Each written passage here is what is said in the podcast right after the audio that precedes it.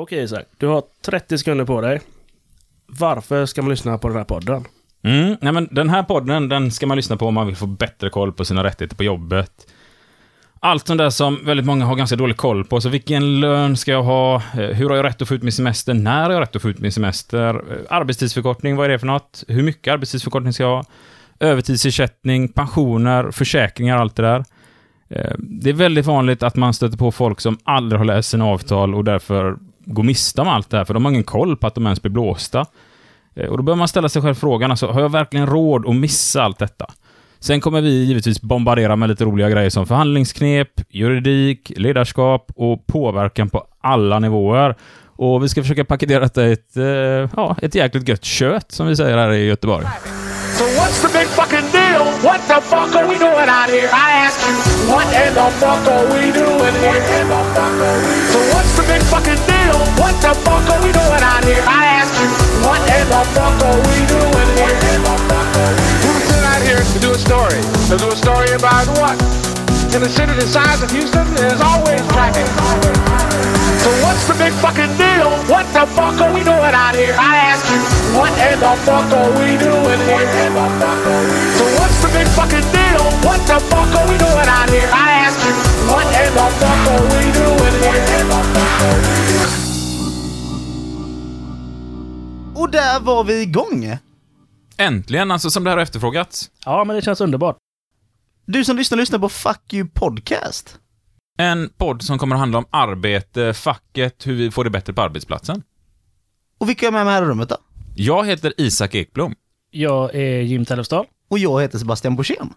Och vi är ju förtroendevalda och har en mängd olika fackliga uppdrag och det var därför vi drog igång med den här podden. För att dels har det kommit en mängd förtroendevalda till oss när vi håller kurser som efterfrågar en bred podcast som handlar om allt ifrån arbetsmiljö till löneförhandlingar, förhandlingsteknik, ledarskap och ja, allt som rör arbete.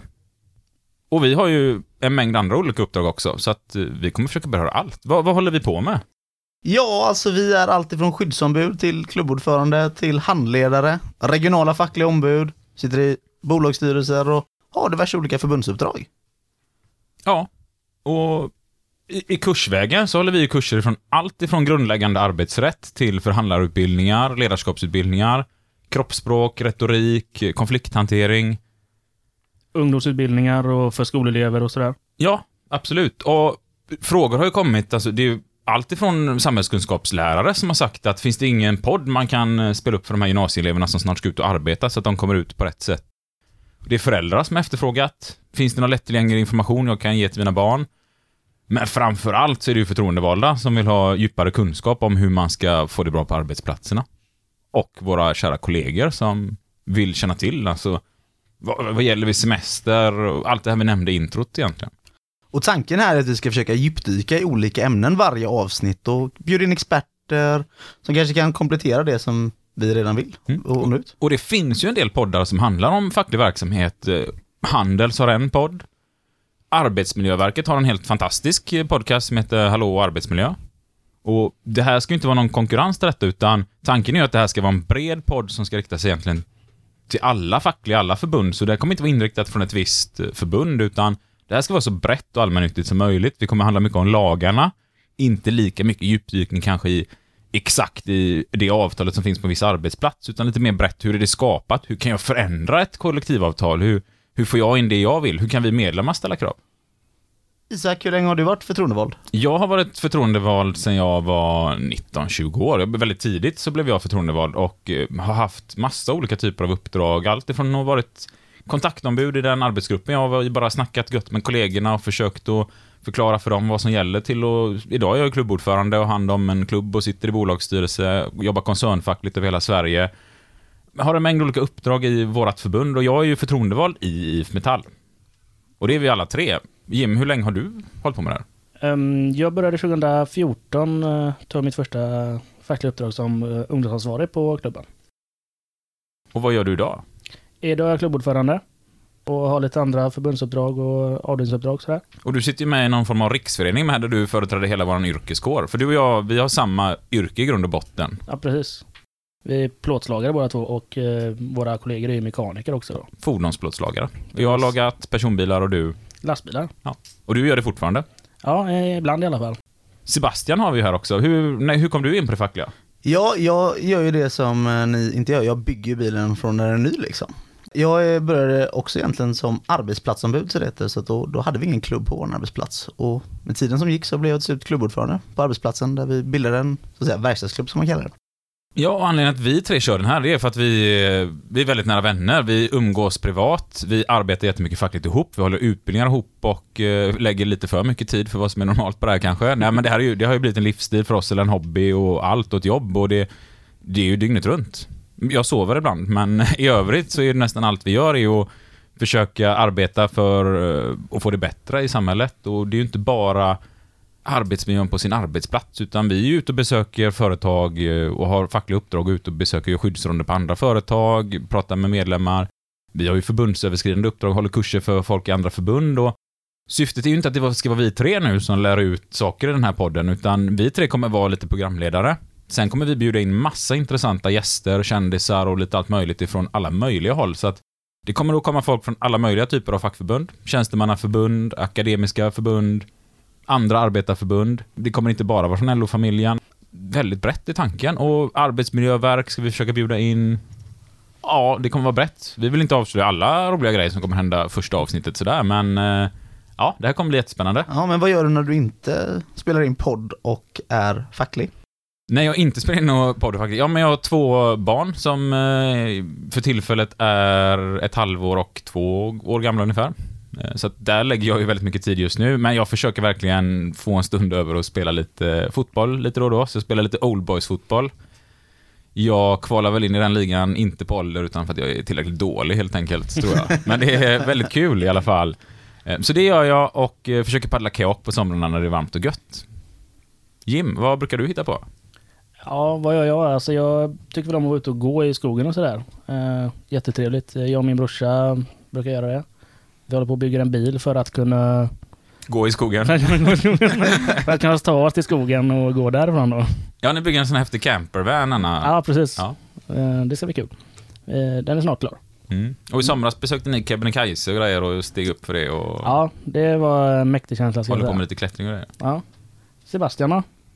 Nej, jag är en eh, småbarnsfar precis som Isak. Våra ena barn är ju jämngamla. Ja. Eh, utöver det så sitter jag väl och kollar på På spåret hemma.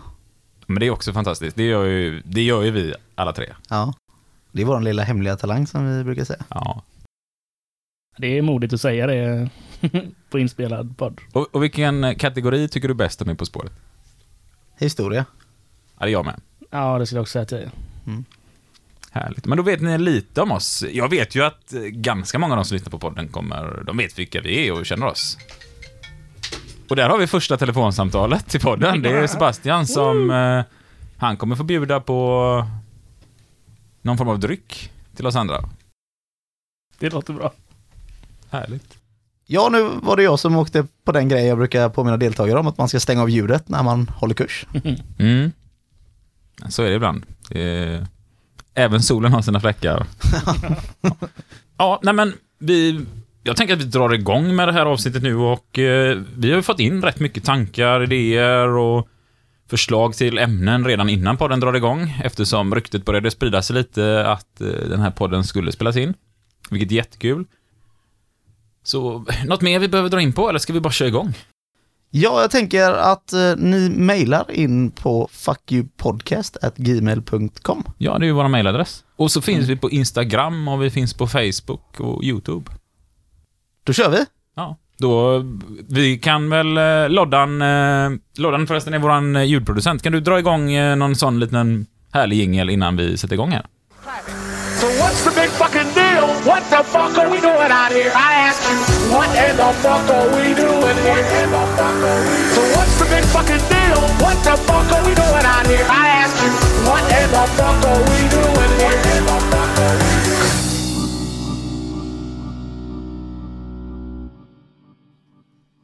Mm, och första egentligen stora frågan som har kommit in till dagens avsnitt är vad ska jag ha i lön? Och det tror jag är en fråga som väldigt många ställer sig ute på arbetsplatserna och eh, vi kan väl enkelt svara på den frågan. Eh, Jim, vad är lägsta lönen man får ha i Sverige enligt lag? Noll kronor. Noll kronor. Så har du mer än noll kronor så får man väl säga att då är det överlagen. Grattis till dig. Grattis till dig. Ja. Eh, Sen kanske man inte är så nöjd med att tjäna en krona i månaden. Eh, men det är så lagen ser ut i Sverige, utan det här regleras ju i kollektivavtal egentligen som förhandlas fram mellan arbetarna på arbetsplatsen och eh, företagen. Och det är det vi ska djupdyka lite då. Hur, hur funkar det här? Hur det är uppbyggt?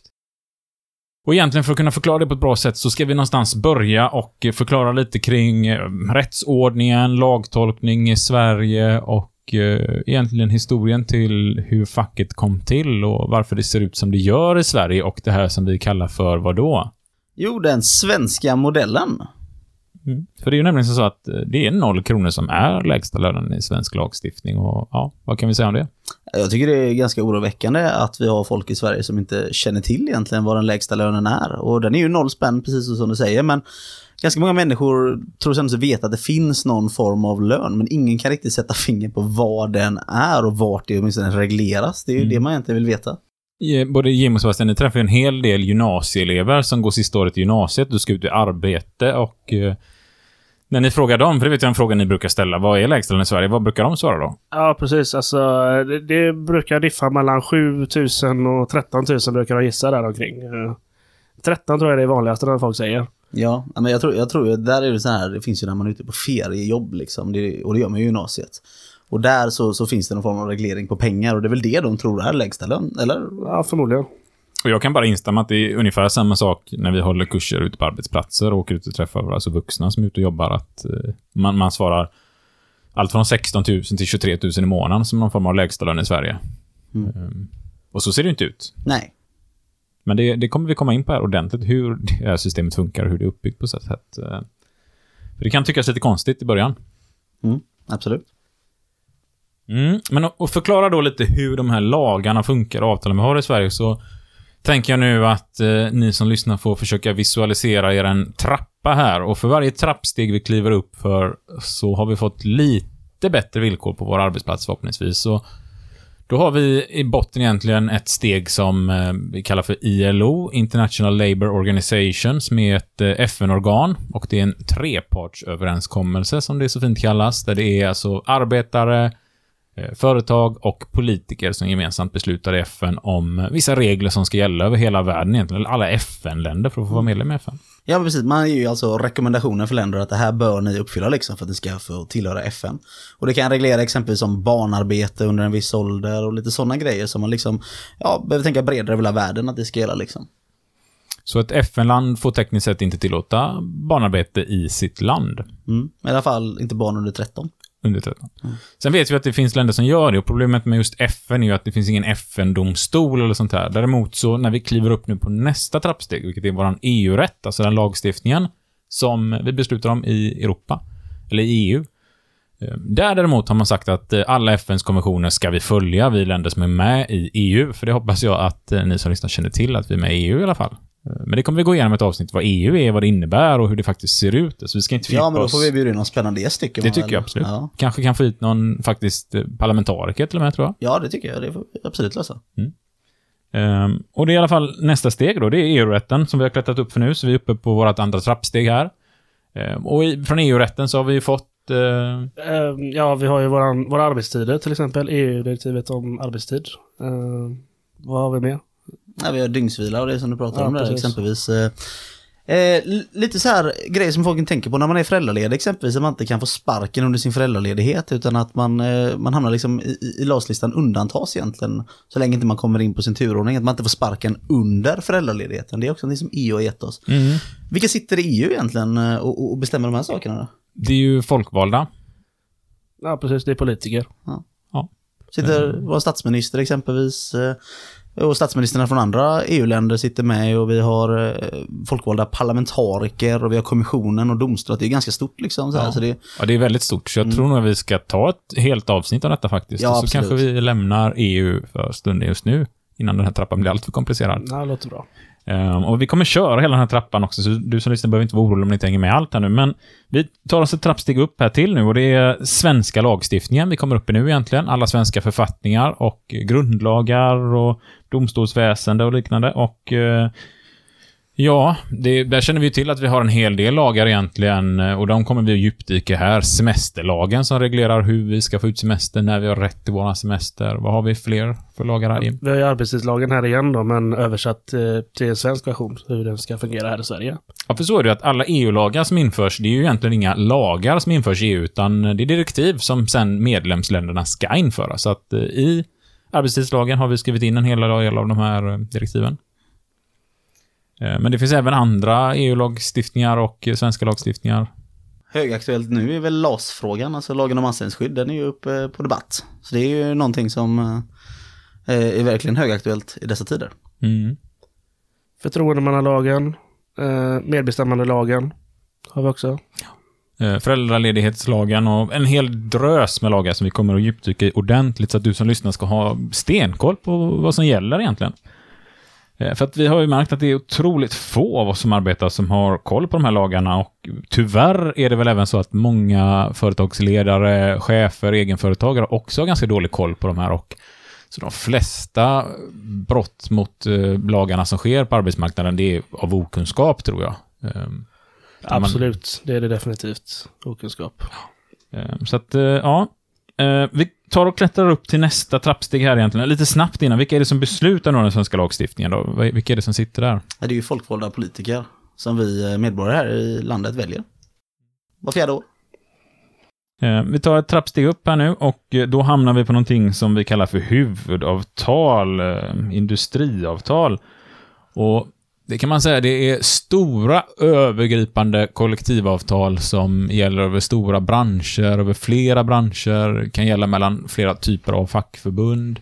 Eh, kan vara avtal som är till och med tjänstemanna, akademikerförbund och arbetarförbund tillsammans. Mm, ja, exempel på det är våra pensioner. De förhandlas ju exempelvis för LO-arbetarna mellan LO och Svenskt Näringsliv och TCO mellan TCO och Svenskt Näringsliv och SACO, SACO och Svenskt Näringsliv och sånt. Det är ju alltså ingenting som bara är reglerat i lag utan vi får ju våran eh, tjänstepension exempelvis via sådana här avtal.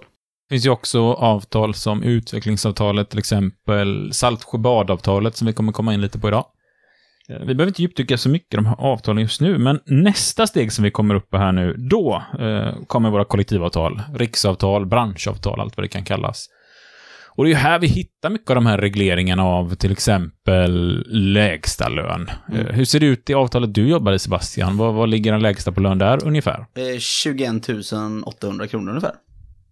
Det är ganska exakt till och med, du har koll? Ja, jag kan det i huvudet nästan. Ja, det kan jag faktiskt inte i mitt avtal, men vi har lite olika nivåer beroende på hur utbildad man är. Med att det är ett yrkesarbete så kan man komma in och få väldigt dåligt betalt. eh, 16 000 spänn. Ja, det är väl lägsta kring det. 16 7, 16 8 någonstans tror jag. Idag när vi spelar in detta. För vi har också samma kollektivavtal du och jag Isak. Precis. Ehm, och sen har vi lite högre löner för de som är utbildade och sådär. Det som är bra med just det här är ju att det är branscherna själva som sätter sina egna löner och att det inte är liksom så att man måste låsa sig hur det går för Sverige eller någonting utan man låser sig i vad branschen går och det, det är ju också en större utveckling i lön och andra villkor just för den branschen som man jobbar i. Mm, ja, så att de här lönerna kan ju variera väldigt mycket beroende på vilken bransch man är i. Eh, Därför behöver man ha koll på vilket avtal har man där man jobbar. Finns det överhuvudtaget ett avtal? Ja, precis. För alla arbetsplatser har inte heller kollektivavtal. Så är det ju. Och då är vi ju nere på den här, vad är lägsta lönen? Ja, noll. Noll. Och det har vi ju sett, alltså det är ett par år sedan nu när vi spelade in den här podden som Uppdrag granskning, eller om det var Kalla fakta som hade ett program om thailändska bärplockare, tror jag det var. Som kom hit och eh, arbetade för att tjäna upp lite pengar och hade inte ens råd att åka hem igen för att de tjänade för dåligt. Och det blev skriverier och många tyckte att det här är kriminellt. Eh, Men när det kom till just lönefrågan så fanns det inget kriminellt i det, utan eh, så fungerade det på svensk arbetsmarknad. Hade man tecknat ett avtal så, så hade de haft rätt att tjäna pengar. Men ja, tyvärr hade man inte det. Ja, och efter det här nu så har vi egentligen ett steg till, ska man kunna säga, eller två steg beroende på hur man ser på det. Och det är lokala avtal och eh, det är väl det som vi tre jobbar absolut mest med ute på de arbetsplatser där vi jobbar, att vi sitter och förhandlar med den arbetsgivaren vi jobbar hos för att få till så bra lokala avtal som möjligt. Eh, där vi egentligen beslutar om att vi kan ha en minimilön att på det här företaget så får man inte tjäna sämre än den här summan. Och eh, där har ju vi förhandlat in en summa bra mycket högre än kollektivavtalets botten. Eh, för en ja, yrkesarbetare i en viss typ av yrke hos oss så tror jag vi landar att eh, 27 000 spänn i månaden. Det är det lägsta du kan få. Ja men precis, alltså precis som i kollektivavtalet där man liksom fastnade i branschen, vad de utvecklar sig så kollar man istället i de lokala avtalen, hur går det just på arbetsplatsen? Det kanske går ett välmående företag, det finns utrymme för att skaffa bättre kompetens och man kan då kräva lite högre ersättning och sånt. Man gör det lokalt på sin arbetsplats.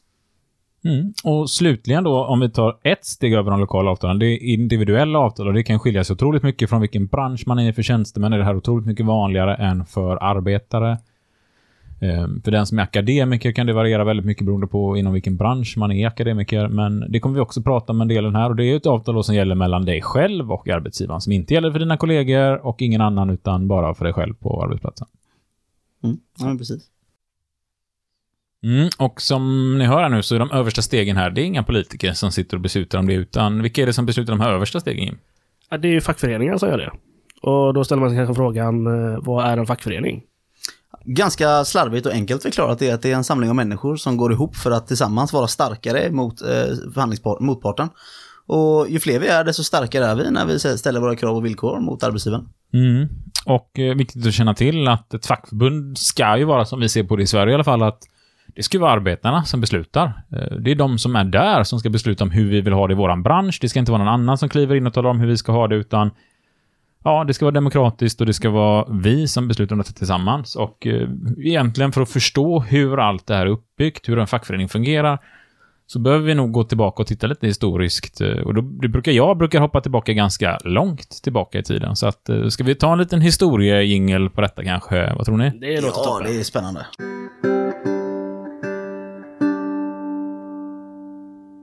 Ja, men alltså, vi tänker så här nu att vi, vi drar igång lite och börjar här lite titta på det också ur ett internationellt perspektiv. Vart börjar fackföreningarna? Var kommer det ifrån? Och någonstans får vi nog börja med en sådär cirka 10 000 år bak i tiden. Och jag tänker inte stå och säga, var det 8 000 år sedan, var det 12 000 år sedan? Utan i runda slängar 10 000 år sedan. Samhällena börjar växa fram. Eh, vi börjar lära oss att odla, vi människor, och eh, plötsligt kan man börja bygga samhällen med att man odlar. Och där någonstans så hittar vi också de första spåren arbetsrättsligt, eller ur en arbetarperspektiv, att folk börjar bli anställda inom situationstecken här på gårdar och odlar, kan få betalt i Ja, vad man nu odlar för någonting, sädeslag, lite allt möjligt. Eh, boende, kanske mat och lite sånt där. Så att de första arbetena stöter vi på här någonstans. Eh, och hoppar vi 4000 år tillbaka i tiden så, ja, då är vi inne i Mesopotamien som är egentligen ett ganska avancerat rike med skattesatser och allting. Och åker man runt lite på jorden och tittar på museum så kan man hitta text därifrån. Ganska så nyligen var vi i London och tittade på några av de här skrifterna, Jim. Ja, precis. Eh, Vi hade ju ett eh, avtal där som sa att man kunde få öl eh, för att man arbetar i alla fall. Ja, ganska hygglig lön kan tyckas för många. Svårt att betala räkningarna med det kanske. Kanske å andra sidan inte hade så mycket räkningar på den tiden. Ja, Förhoppningsvis så slapp man det. Förhoppningsvis slapp man det. Eh, Men vi har alltså gamla texter på löner och utbetalningar, även skulder och liknande som vi hittar på den här tiden.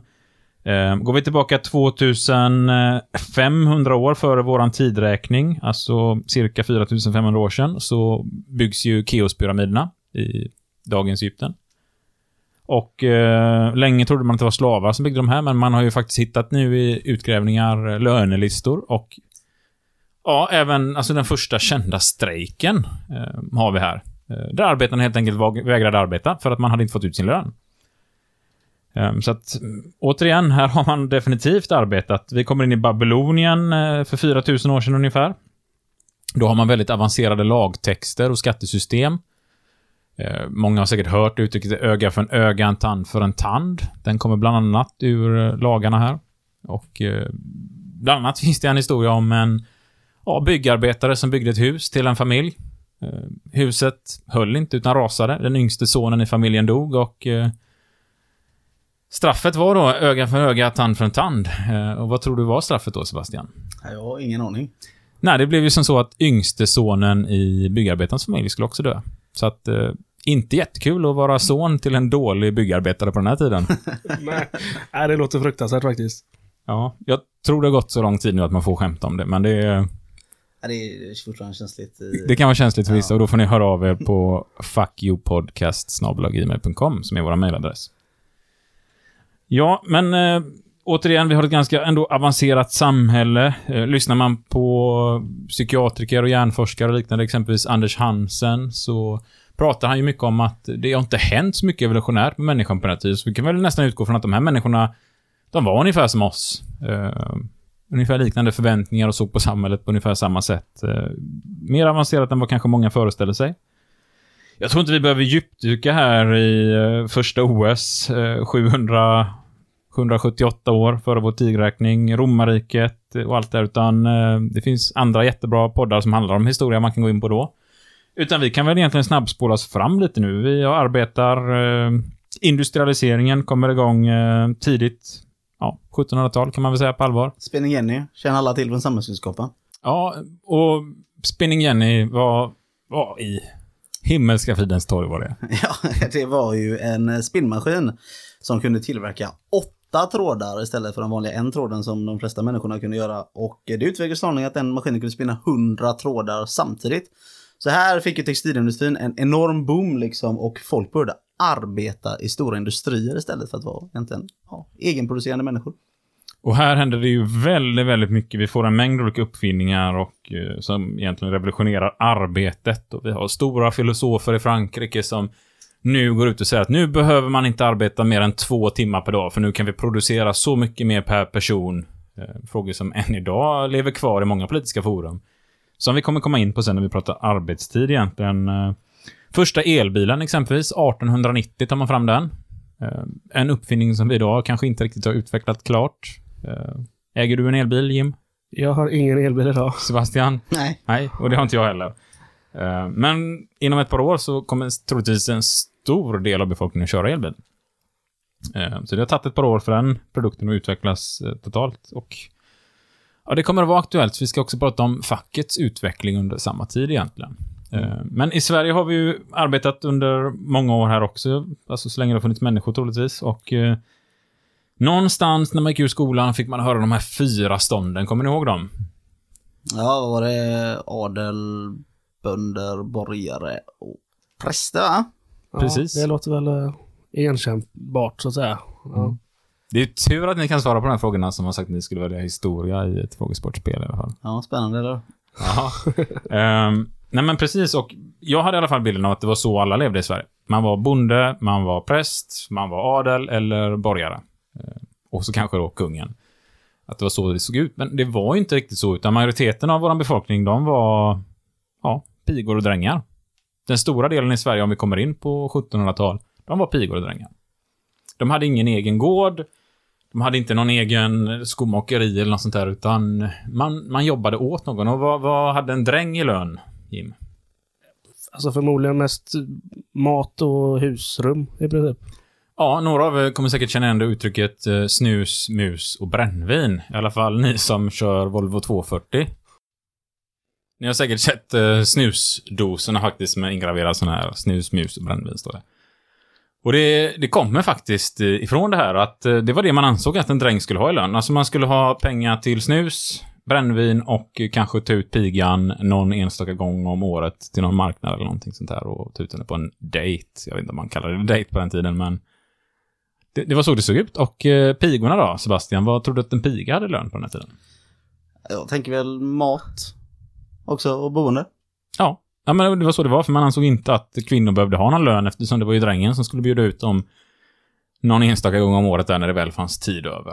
Eh, Så att så här såg det ut. Alltså, det här var arbetsförhållandena vi var i och Ja, eh, jag tänkte släppa ordet till dig Sebastian, så tänkte jag att du skulle få berätta lite om hur den här utvecklingen sker. Jo, jag, jag tänkte berätta en liten historia om hur samhället här i Sverige såg ut på slutet på 1850-talet och den extrema fattigdom som präglade samhället för vanliga människor. Eh, jag tänkte prata om eh, bruksorterna, det som ganska många kanske har någon form av koppling till, någon mormor eller morfar kommer ifrån, eller kanske en själv, till och med du som lyssnar hemma, eh, kommer från en sån samhälle. Eh, bruksorterna kallas oftast bruksorter för att det fanns ett stort bruk där de flesta människorna arbetade på. Och det jag tänkte prata om är träbruken som egentligen kom här på 1700-talet i Sverige. Eh, det var så att tyska och engelska hertigar och så köpte upp ganska mycket mark i Sverige. Eh, för att sälja trä egentligen till andra länder och även till Sverige för att bygga upp samhället. De här människorna var ju extremt rika och de kallades för träpatroner för de ägde egentligen allting i hela den här bruksorten som man arbetade på.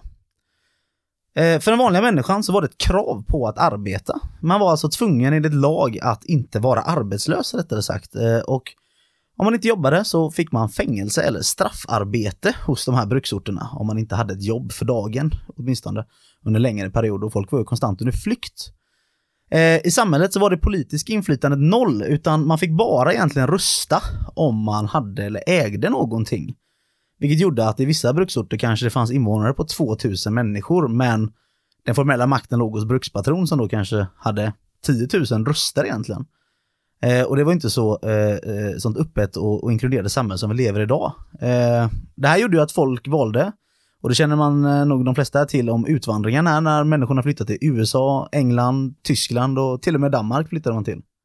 Ja, då kan man ju förstå hur jäkla illa det var om man valde att flytta till Danmark. Eh, gör man kanske inte i första hand. Nej. alltså, som, som, som person som levde på den här tiden, alltså du hade ju inte rätt att, att flytta utanför socknen som du liksom kommer ifrån. Eh, socken var liksom, det var, det var life. Man var tvungen att, att betala av alla sina skulder, man var tvungen att ha uppfört sig, att ha gått i kyrkan och allting. För att överhuvudtaget få lämna. Man var tvungen att få alltså godkännande från prästen och egentligen länsman som polismästaren på den tiden hette i den här lilla bygden. Och, och hade du inte betalat dina skulder var inte heller så lätt för att man ärvde nämligen skulder. Så du säger, ja, din, eh, du hade inte kunnat ha det här fina huset du har idag Isak om din morfar var lite skuldsatt. Mm. Och det här kravet på att arbeta var ju då att man skulle varenda dag gå till egentligen grindarna runt de här bruksorterna, eller runt bruket då. Och varje dag så ställde patrons eh, lagbas upp alla runt det här staketet och sa Ja, eh, herrar, det var herrar som jobbade på den tiden. Idag börjar lönen på en krona. Jag har bara 20 arbetstillfällen och ja, ni behöver jobb så att lönen börjar på en krona och så kanske ni var 30 pers. Så då Ja, det ställde är klart man tar det då. Alltså det, för jag antar att man, det var inga socialbidrag liksom om man inte fick jobb för dagen. Ja, nej, nej, det, det, det fanns inte riktigt på det sättet, utan det var ju så här, man, man fick frågan hur många kan tänka sig jobba för en krona och då ställer jag frågan till er där. Nu är det 1850. En krona, mycket pengar på den tiden. Kan du tänka dig jobba för en krona Isak? Nej, men det är väl klart, vad alternativet är ju att låta familjen svälta. Ja, en krona är ju grymt. Ja. Kan du tänka dig jobba för en krona Jim? Absolut. Ja, då är det lite för många nu här. För vi behöver ju bara hälften av er som kan tänka sig arbeta här idag för en krona. Så att, om jag ställer frågan till er 90 öre istället då? Isak, kan du tänka dig för 90 öre? Eh, ja, det, alltså, jag har inget val. Det är i princip samma lön, så att jag får köra på. Ja, Jim då, kan du tänka dig för 90 öre? Eh, ja, definitivt. Ja, det var ju inte bra alltså. Nu, nu, nu, nu får vi drastiska åtgärder. 75 öre för ett dagsarbete, Isak. Jag ser ingen annan utväg. Jag har två ungar och Ja. en fru som ska ha mat. Ja, Jim då? Ja, samma det här. Ja, ni verkar inte förstå poängen här. Om jag säger så här då, eh, 50 öre då? Kan du tänka dig arbeta då, Isak? Ja, alltså, jag, jag har ingen annanstans att ta vägen, så att jag får köpa det. Ja, Jim då? Nej. Nej, är du kanske hellre Nu, väljer. eh, nu får jag nog svälta istället. Ja, ja, du kanske hittar jobb hos någon bonde över dagen. Ja, det hoppas jag. Ja, man kan ju ha den turen ibland förr i tiden att eh, bonden kanske hade lite arbete så man kunde eh, ha arbete. Det var ungefär så här samhället såg ut dag ut och dag in. Man gick och pressade ner priserna på sitt eget arbete varenda dag. Och det var ju de här sakerna som egentligen drev oss. Det fanns ju inte heller någon religionsfrihet eller liksom rösträtt i Sverige. Och därför så valde folk att flytta då till England, USA, Tyskland och Danmark exempelvis. Och lite där med det liksom politiska inflytandet och sånt. Alltså det var ju inte så att folk kunde läsa eller skriva eller sånt. Så att man, det var inte så att man direkt förstod liksom att nu läser jag Aftonbladet att det som händer här är liksom horribelt. För i nästa by så har man ju fått ännu bättre villkor och sånt. Det, det fanns inte utan den enda egentligen formen av, ja, när man får lära sig någonting, det var i kyrkan. Och vet ni var kyrkan låg förresten i, i det här samhället? Jag har en gissning faktiskt. Ja. Alltså, högst upp eh, man kan komma brukar man ju se när man åker runt i Sverige, så ser vi att kyrkorna ligger på höga punkter närmast Gud, så att säga. Ja men ja precis, man skulle vara närmast Gud. Så eh, kyrkan låg ofta högst upp och det kan ni se ni, eh, du som lyssnar här att om du åker längs eh, små landsvägar så kommer du ofta se en kyrka och då kommer de ligga på någon form av höjd antagligen. Det, det, det var så det var förr i tiden man skulle bygga och det var hela samhället som hjälpte till att bygga eh, de här kyrkorna som man sen då var mer eller mindre krav på att man skulle gå eh, varje söndag. Och i kyrkan fick man lära sig liksom att samhället är som en kropp. Det finns de som är de stora tänkarna liksom. Och, och det är prästen och det är patron, det är de som är huvudet, de som bär upp hela kroppen, liksom, de som får samhället att fungera. Och sen finns det armarna liksom och det är kanske länsman eller arbetsledaren eller lagbasen på det här bruket som, som hjälper till att se till att de här små bitarna fungerar också i samhället. Men en kropp är ju värdelös, fick man lära sig, sig om man inte har ben. Och det är det som var arbetarna och de vanliga människorna. En kropp kan inte röra sig framåt om det inte finns ben. Ja, och, och så var det liksom. Det, det, det är helt sjukt, men det var så man fick lära sig i kyrkan varje söndag. Att det var så samhället fungerade. Och det var inte så att man kunde ifrågasätta det, för man hade inte bättre kunskap. Man kunde som sagt inte läsa eller skriva. Och det var så här liksom vardagen såg ut. Man gick där och arbetade och så, men då tänker man, hur var det för kvinnorna då? Hur var det för barnen? Jo, men barnen började arbeta från väldigt tidig ålder, kanske från fyra fem års ålder. Men man arbetade inte på heltid på samma sätt, utan barnen förväntades egentligen bara vara där för att arbeta för väldigt, väldigt ännu mindre pengar. Och man kan se det ibland på vissa gamla fabriker som man kan åka förbi ute på landsbygden, att de har väldigt speciellt formade fönster, nästan lite äggformade, lite avlånga. De fönstren var till för att barnen skulle kunna stå och halvsova lite i de här fönstren under tiden ifall någon behövde gå på toaletten eller så, så kunde barnet eh, springa in och liksom arbeta. Och, och kvinnorna oftast, de, de fick ju ta hand om hela hemmet, men även de kunde arbeta eh, ganska mycket på den här tiden också. Men de kanske arbetade hos en bonde eller hos eh, någon annan butik eller någonting. De kunde göra lite andra ar arbeten på den här tiden. De fick inte så mycket jobba i fabrikerna. Jo, men och det har man ju sett också när man har varit och tittat i gamla fabriker, hur, hur det fanns trånga utrymmen där vuxna inte kom åt att städa, där man alltså lät barn göra rent eh, från kol och sot och grejer in i maskiner i trånga utrymmen och i ventilationsrör och grejer. Och det är saker som man idag alltså aldrig skulle ens tänka på att utsätta barn för. Alltså, man kan ju bara tänka sig alla sjukdomar som kommer därifrån och lungskador. Ja, nej, men jag hade en eh, kursdeltagare som berättade om sin morfar. När han var fyra år gammal så blev han bortlämnad av sina föräldrar till en bonde i syfte då att han skulle få en utbildning. Det kanske låter helt eh, speciellt, men det var så det var på den tiden att när han var fyra år gammal, då blev han placerad inne hos grisarna. Där var det varmt, i ladan, det var där han bodde. Och han gick upp varje morgon klockan fyra och tog hand om alla djuren. Och sen så betalade faktiskt bonden då för hans eh, eh skolgång. Så när han kom hem från skolan efter att ha pluggat så fick han ta hand om alla djuren igen då. Och mjölka kossor och allting som krävdes inför natten. Och sen så sov han då med djuren. Och han fick mat i det. Och det kanske låter helt sjukt om man skulle lämna bort en fyraåring och bo med och ta hand om djur idag liksom. Det kan jag inte tänka mig själv om man skulle placera ett barn på det sättet. Men det var så det var på den tiden. Och det fanns ju till och med så att man hade barnaktioner förr i tiden att föräldrar kunde inte ta hand om sina barn för som sagt fattigdomen var ju så extrem att man auktionerade bort barn till den som betalade lägst pengar som samhället då skulle ta. Den kostnaden, att den personen fick barnet och det var ju till och med så att barn dog för att folk tog på sig så många barn som möjligt och man inte hade möjlighet att försörja sig. Men de tog bara de pengarna själva och de kallades ju för änglamakare.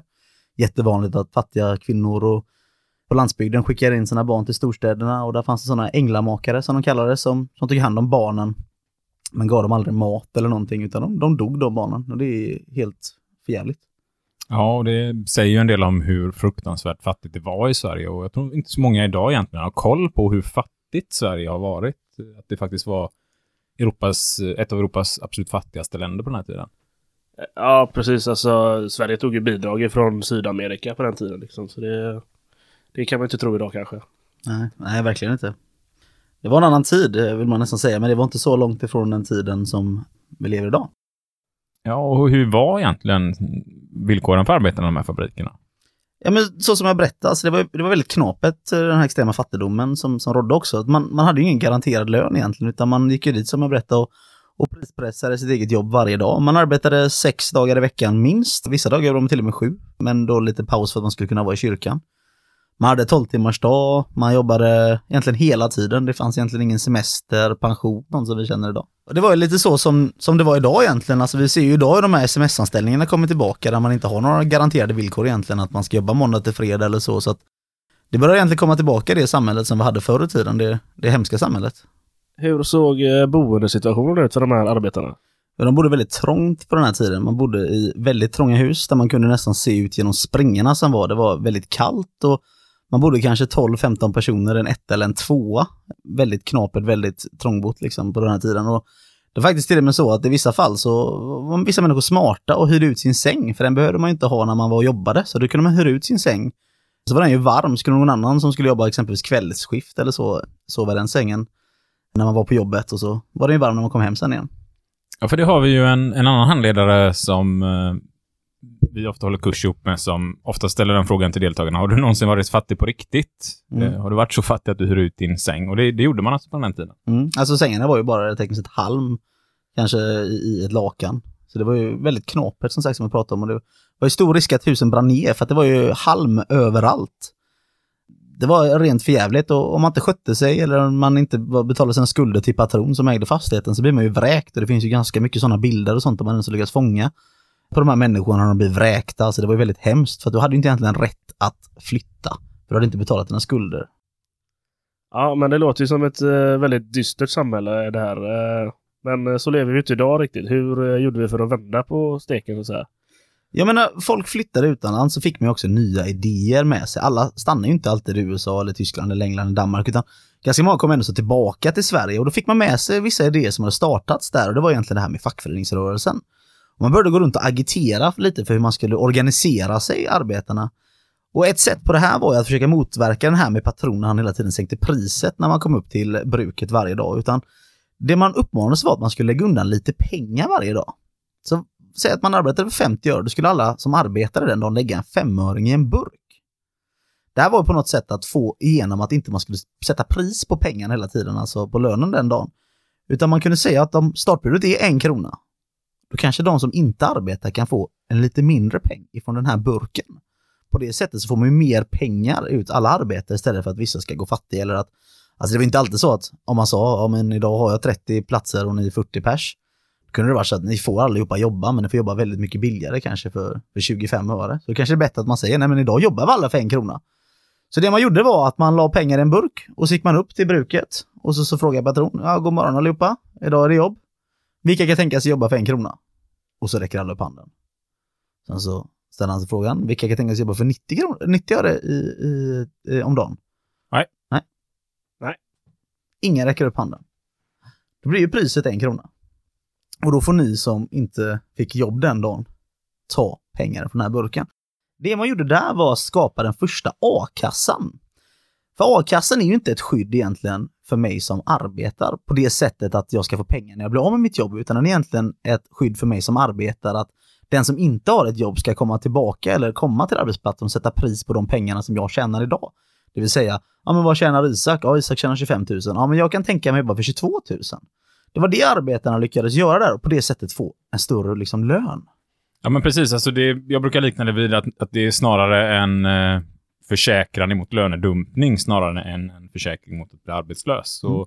Det var väl det första som jag missuppfattade när jag började jobba egentligen. För då, då stod jag ung, bilplåtslagare, nästan omöjligt att hitta bilplåtslagare. Kunde tjäna en lön på, ja, alltså som ny från skolan på någonstans mellan 28 och 35 000 i månaden. Alltså, bra mycket mer än vad mina kompisar tjänade, de som ens hade fått jobb. De flesta har än idag knappt fått jobb. Och jag förstod ju inte riktigt syftet i varför jag skulle vara med i a-kassan. Jag, jag köpte väl att jag skulle vara med i facket, men jag förstod inte riktigt vad, vad jag skulle med a-kassan till eftersom jag tänkte att jag det finns ju ingen chans att jag blir arbetslös och blir jag arbetslös så, så får jag jobb vart jag vill som bilplåtslagare. Liksom. Ja, men i och med att arbetarna började tjäna mer pengar och man hade skapat sin a-kassa så var ju patron tvungen att göra någonting för att man vill fortfarande inte förlora pengar som patron, utan man vill tjäna så mycket pengar som det bara går. Och det man började göra då egentligen patronerna i samhället, det var att de började, men då höjer vi priset på mat. Eller vi höjer priset på hyran egentligen. Så att de pengarna jag fick ut i lön höjde de helt enkelt matpriserna. Ja, så det blev ju egentligen ingenting. Och det var ju fortfarande inte garant, alltså de här äh, a-kassaburkarna som man skapade, de tog ju slut också. Man var ju tvungen att hitta på nya sätt. Och det man började göra då var egentligen att man tog ytterligare en liten peng när man tjänade de här pengarna varje dag och la en annan burk. Och de pengarna var egentligen till för att vi går inte upp och arbetar alls för de kan garantera oss alla jobb. För fortfarande, det kunde vara så att man hamnar i bråk. Någon sket i det där med a-kassan. Nej, jag tänker inte ta 50 öre i a-kassaburken när jag kan tjäna en krona. Så de sa, ja, men jag arbetar lägre. Och det blir ju stora eh, slagsmål och bråk och folk alltså har blivit av med hus och hem på grund av de här stridigheterna. Och det ledde ju då till att man skapade en strejkburk. Man bestämde att vi måste sätta ett fast pris på arbetet och alla ska ha garanterat jobb.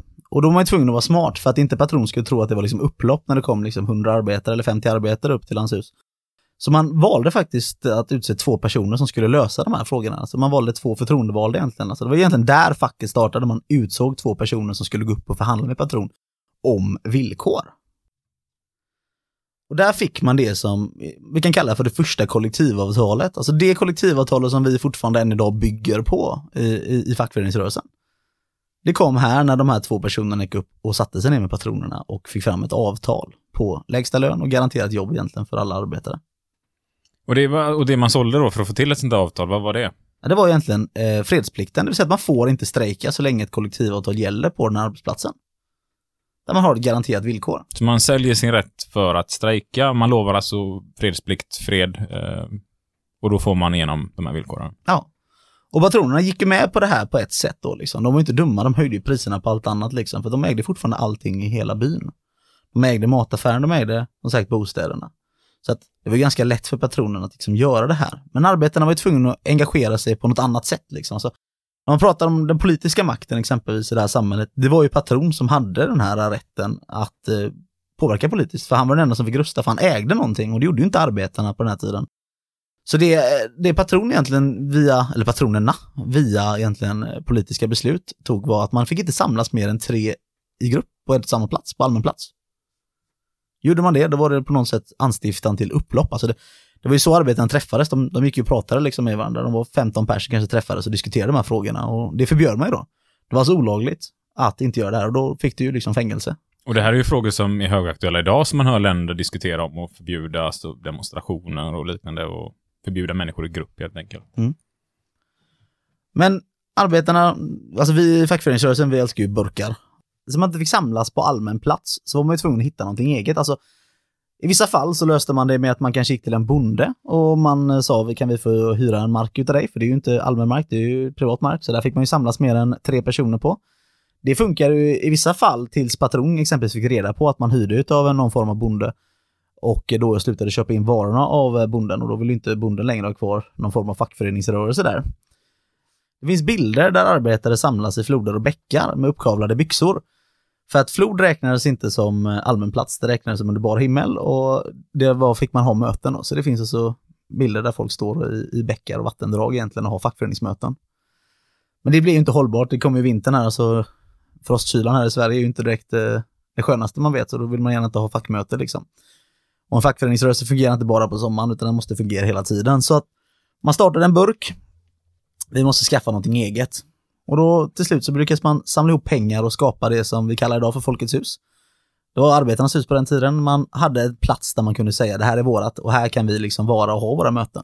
Men de flesta Folkets hus ägs väl även idag till stor del av fackföreningarna? Ja, precis. Folkets hus och park parker.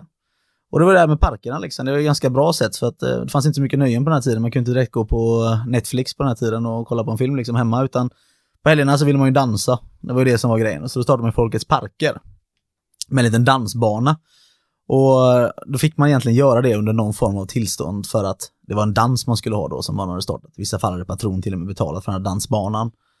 Men det man började de här danserna med var att ha fackföreningsmöten. Och så kanske barnen satt lite längre bort liksom och kollade så inte länsman, alltså polisen på den tiden, skulle komma och ville gärna kontrollera de här dansbandskvällarna. Eh, att de inte kom, för då fick man pausa väldigt fort och så var det liksom dans på G. Det var inte bara Sven-Ingvars och Lasse Stefans? Nej, utan det var fackföreningsmöte först. Lite synd att det var skippat där med eh, Sven-Ingvars innan här fackföreningsmötena. Jag tror fler hade kommit.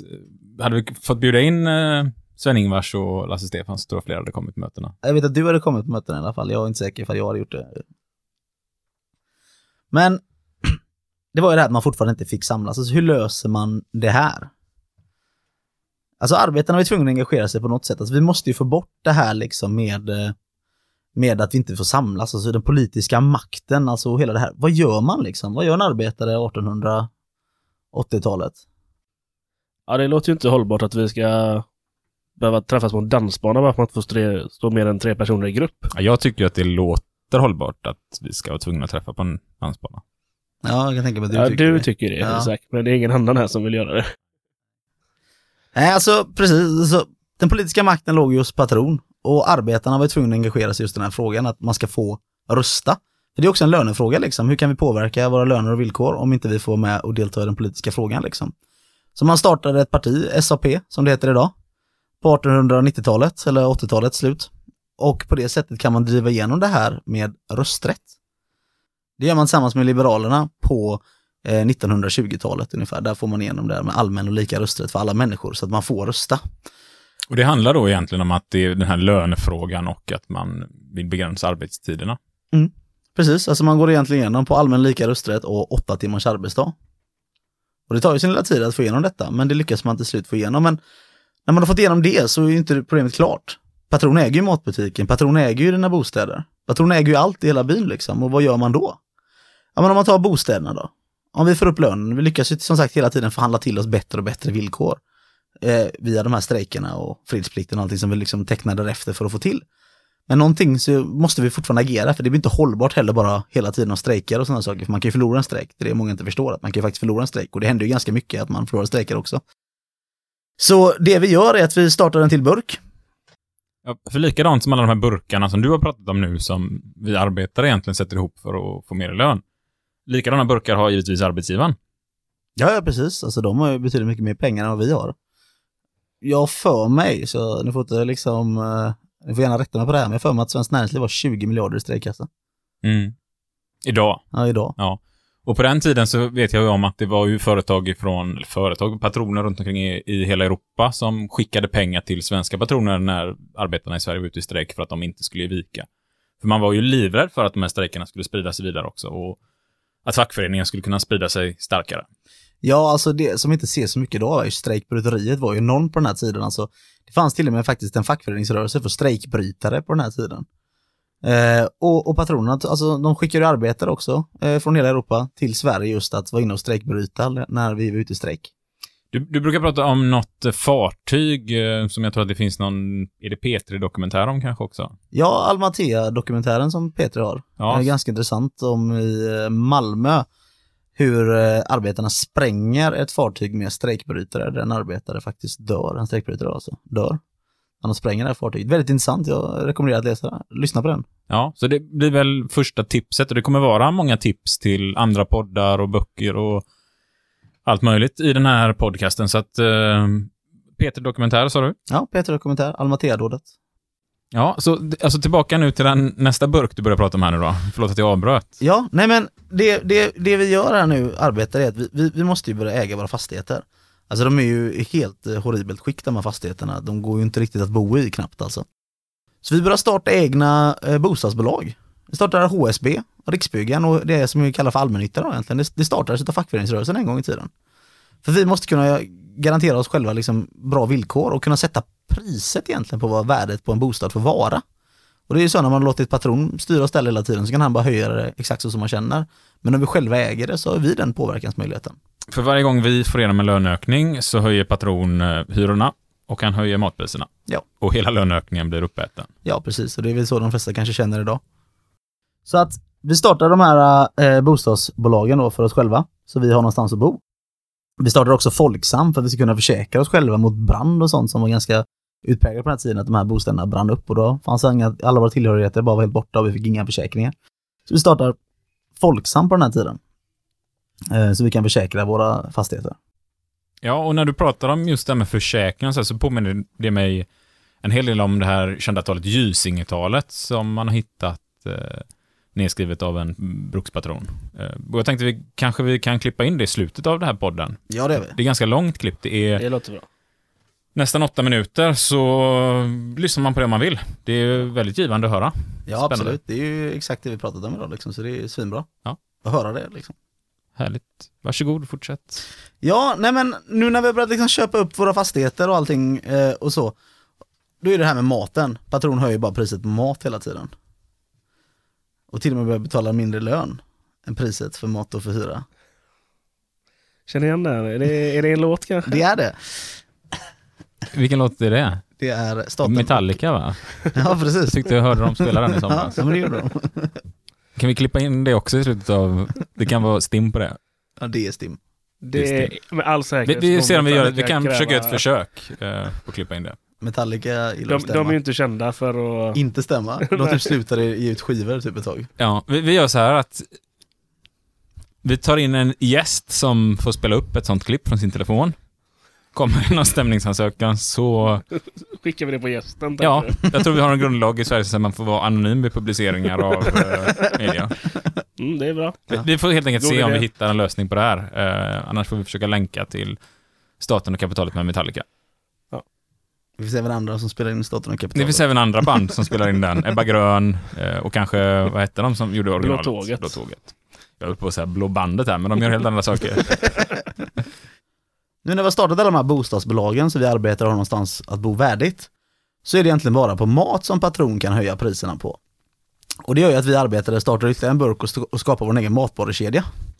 Eh, Kooperativa förbundet, KF, det som kallas Coop idag. Och det är egentligen arbetaren skapar en gång i tiden för att inte sätta någon form av prisnivå på att så här mycket får maten kosta och inte mer. Det ska inte göras några större vinster på våra, våra mat utan den vinsten som vi gör på maten den ska vi själva få tillbaka. Och det är egentligen hela principen för liksom Coop. Ja, och det tycker jag är en spännande grej. Så det tycker jag vi skulle kunna slänga in kanske i ett avsnitt lite längre fram och prata lite om konsumentföreningar, eh, kooperativa förbund och lite sådär och, och företag som faktiskt inte har något vinstintresse utan drivs av konsumenten och inte har något intresse ut vinster. För det är ju ganska intressant och vi kanske kan få någon som sitter med i ett sådant förbund och komma och berätta lite om det och kanske hitta någon som jobbar i ett sådant förbund och berätta hur det är anst- att vara anställd i ett sådant förbund. Absolut, det tycker jag absolut vi ska lösa. Så som man ser här, vi, vi i facket har ju startat ganska många föreningar just för att generera det bästa vi kan för våra intressen. Det är det man egentligen beskriver sådana här folkhem-Sverige som man pratar mycket om. Det är ju det egentligen det vi har varit med och skapat. Egentligen. Jag tror vi behöver mer sånt idag, så folk engagerar sig inte så mycket i de här föreningarna idag. Nej, för idag, man säger att man hör att ungdomar inte engagerar sig, men det har man ju sett i många undersökningar att det stämmer inte, utan man är engagerad i helt andra saker helt enkelt bara. Det är inte så mycket kanske i Coop och eh, Folkets Park och dansband Eller. Fonus, som Eller vi också skapat. Ja. Ja, men för att börja göra en liten sammanfattning här nu då, så börjar vi någonstans med historien för 10 000 år sedan och eh, nu är vi inne någonstans 1850 till tidigt 1900-tal. Ja, precis. Det skulle alltså ta nästan 10 000 år för fackföreningen att eh, växa fram. Ja, det är ändå rätt mycket längre tid än vad man tänkt att det borde göra. Mm. Och jag såg en sån här rolig text häromdagen som handlar om Kleopatra eh, från Egypten. Att hon levde ju faktiskt närmare oss i våran tid nu än eh, när pyramiderna byggdes. Bara för att få lite perspektiv i historien. Det kanske inte är det man tänker på. Eh, och då förstår man också hur, hur lång tid det har tagit för fackföreningen att växa fram och att det är någonting väldigt nyskapat. Någonting väldigt nytt historiskt sett med fackföreningen. Precis, en väldigt ung eh, organisation eller... Eh, Ja, och man rörelse. hör ju ofta liksom att eh, facket är något förlegat som bara behövdes förr i tiden, får man höra ibland. Och jag skulle verkligen vilja säga tvärtom, att det är någonting väldigt modernt, någonting väldigt nytt som inte riktigt har hittat hem hela vägen än. Utan det är under ständig utveckling och vi kommer att prata under den här podden om väldigt mycket nya grejer som händer och de olika frågorna man arbetar med och förhandlingar och avtal och villkor och man har långt ifrån hittat till vad en fackförening egentligen är och bara i Sverige finns det många olika typer av fackföreningar som funkar på olika sätt där man driver olika frågor. Så att, eh, ja, det kommer bli spännande att fortsätta lyssna på vad det tar vägen härnäst egentligen. Precis, och då kommer man även kunna göra den historiska kopplingen, det vi lite har pratat om idag, liksom eh, vad som händer idag. Ser vi några likheter? Skillnader? Är det bättre eller sämre? Mm. Och det är nog också en förutsättning här för att när vi ska börja prata nu med lönevillkor, arbetstider och allt det här som vi har i våra avtal så behöver vi nog ha den, dels den historiska kopplingen. Eh, hur har vi fått det från första början och eh, var stiftas detta? Vi pratade också om den här trappan med eh, vad, vad vi har att gå efter med lagar och avtal och det var ju en grundförutsättning att överhuvudtaget finnas med i politiken egentligen som, som, som vi hörde här förut, att det på många, många olika regler av de vi har på arbetsmarknaden bestäms av politiker idag. Så att, eh, ja, vad ska vi hoppa in i härnäst nu egentligen? eh, ja, härnäst eh, har jag ett litet eh, inslag med Är det okej? som det kallas. Ja, ja men det är det väl.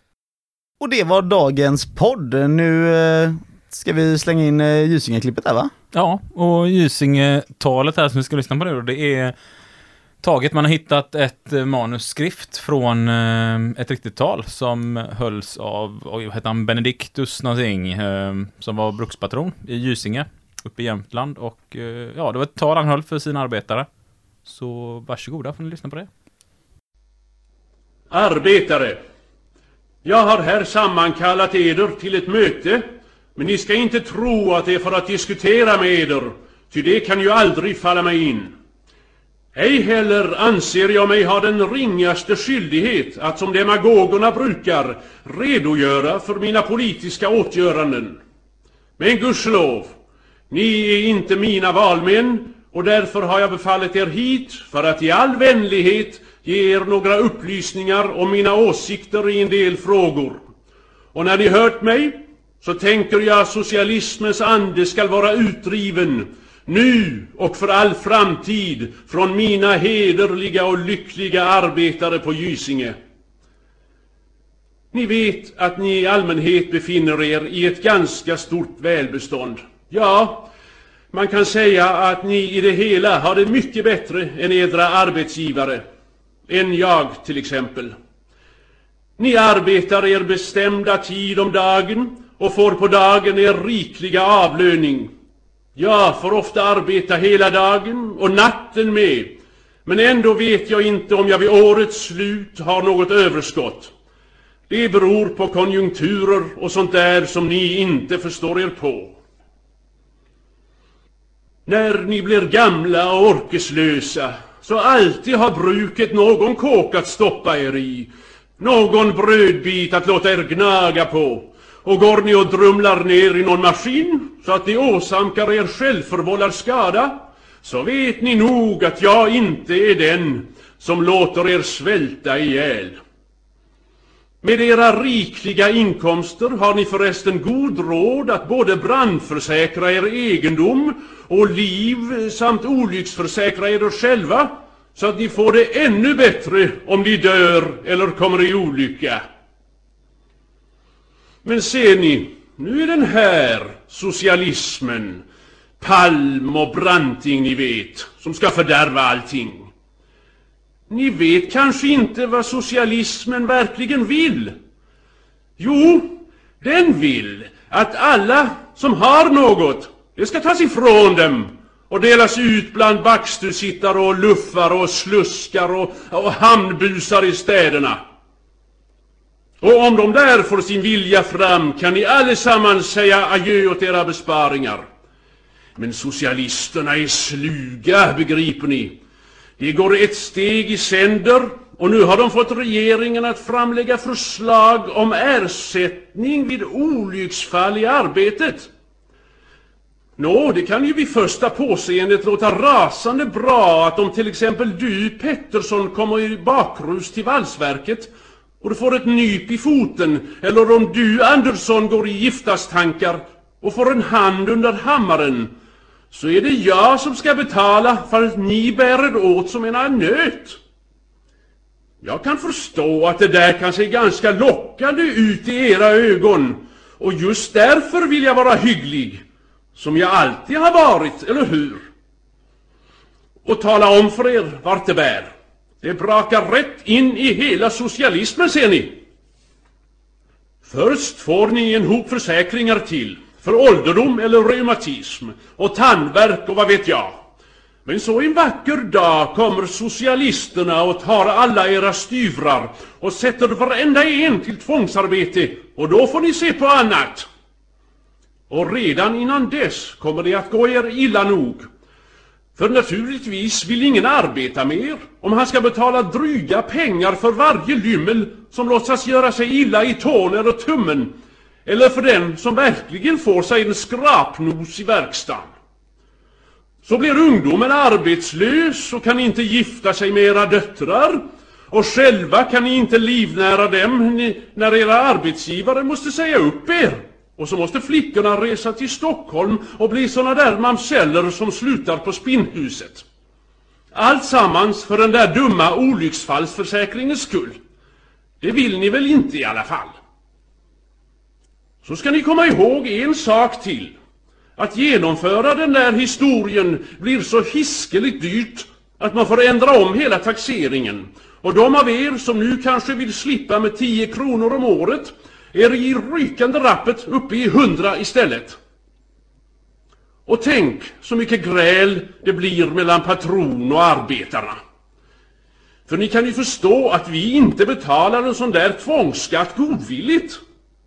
Nu är vi hyggliga, för att alltihop beror på vår välvilja.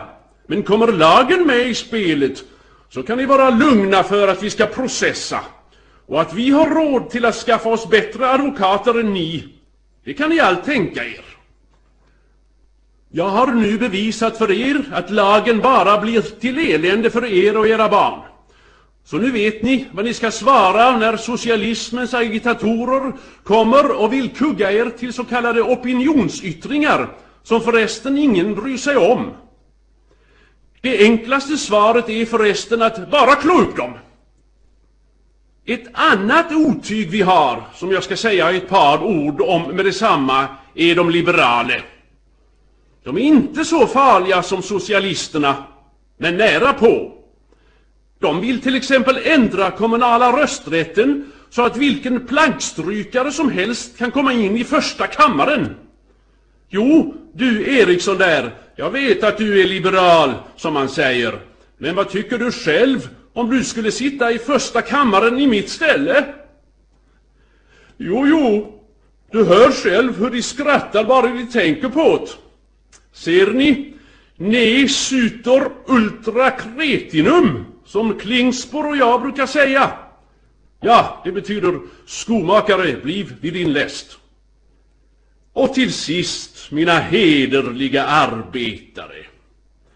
Jag vill gå ända därhän att säga, mina hederliga vänner, glöm aldrig att socialismen är det farligaste som finns, men att det bästa som finns i gamla Sverige, näst Gud och konungen, är första kammaren.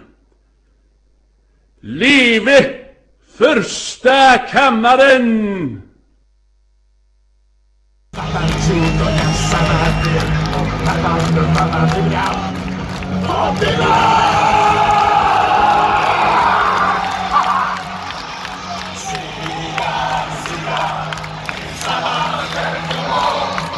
Staten och kapitalet!